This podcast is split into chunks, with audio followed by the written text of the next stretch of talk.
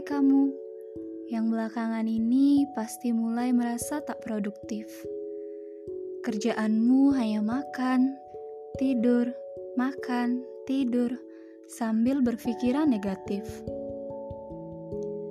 Awalnya kamu pasti marah, sedih, dan tak suka akan keadaan ini. Terkekang di dalam kamar sempit yang kamu rasa sangat berantakan. Rencana-rencana yang telah kamu susun di awal tahun baru berserakan satu persatu, tidak menemukan titik temu, dan hancur di dalam keping-keping imajinasimu. Dulu kamu juga pasti sempat berpikir, 2020 nanti kamu mau pergi traveling sama teman-teman, mau seru-seruan sama teman sekelas, mau mendaki, mau camping, dan mau eksplor diri lebih jauh lagi. Tapi realitanya, jalan-jalanmu hanya sebatas di pekarangan rumah. Seru-seruanmu hanya sampai di room chat yang kadang ramai, kadang sepi. Bertemu sahabat dan keluarga pun harus kamu lakukan dengan cara virtual karena jarak yang memisahkan. Hal ini terjadi secara tiba-tiba dan tanpa aba-aba.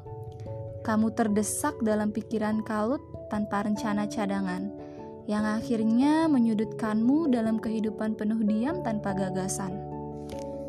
Kamu malas berpikir dan malah terjerumus ke dalam nyamannya rebahan yang dari hari ke hari menuntunmu menjadi pribadi yang lupa diri.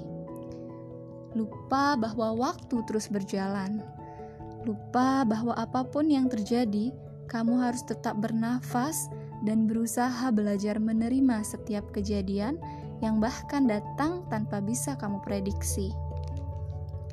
Hingga di suatu pagi yang cerah, kamu terbangun dan kamu tersadar untuk membuang jauh-jauh seluruh pikiran negatifmu.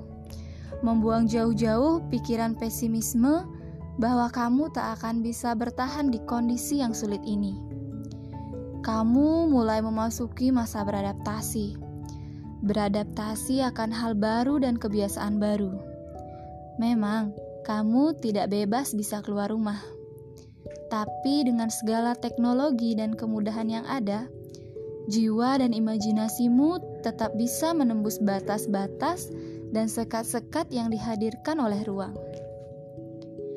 Jadikan momentum ini sebagai masa beristirahat untukmu. Beristirahat dari bisingnya dunia yang pasti terasa sangat melelahkan. Inilah saatnya kamu lebih memahami kebutuhan dirimu sendiri. Memahami bahwa tubuhmu yang selama ini menemanimu juga membutuhkan waktu untuk rehat sejenak. Membutuhkan ruang untuk mengapresiasi segala usaha dan kerja keras yang, sel yang selama ini telah kamu lakukan.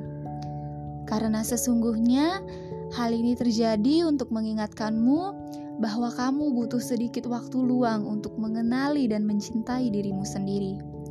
Mengingatkanmu bahwa kamu butuh sedikit ruang untuk mempersiapkan kamu menjadi versi dirimu yang lebih baik lagi.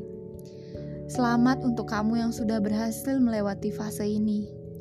Dan untuk kamu yang masih berjuang, semangatlah.